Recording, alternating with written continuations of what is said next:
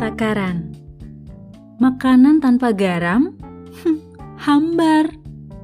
Kalau kebanyakan garam, ya keasinan. Kebanyakan gula, ya kemanisan. Kalau kebanyakan cabai, huh, kepedesan. Kelebihan ukuran, ya kebesaran. Kebanyakan air, jadi encer deh.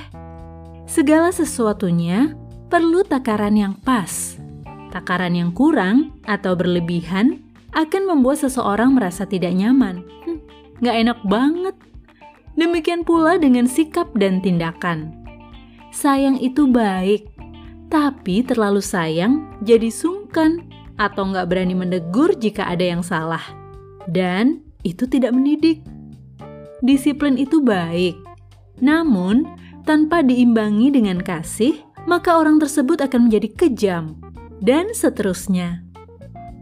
Takaran yang pas membuat hati puas.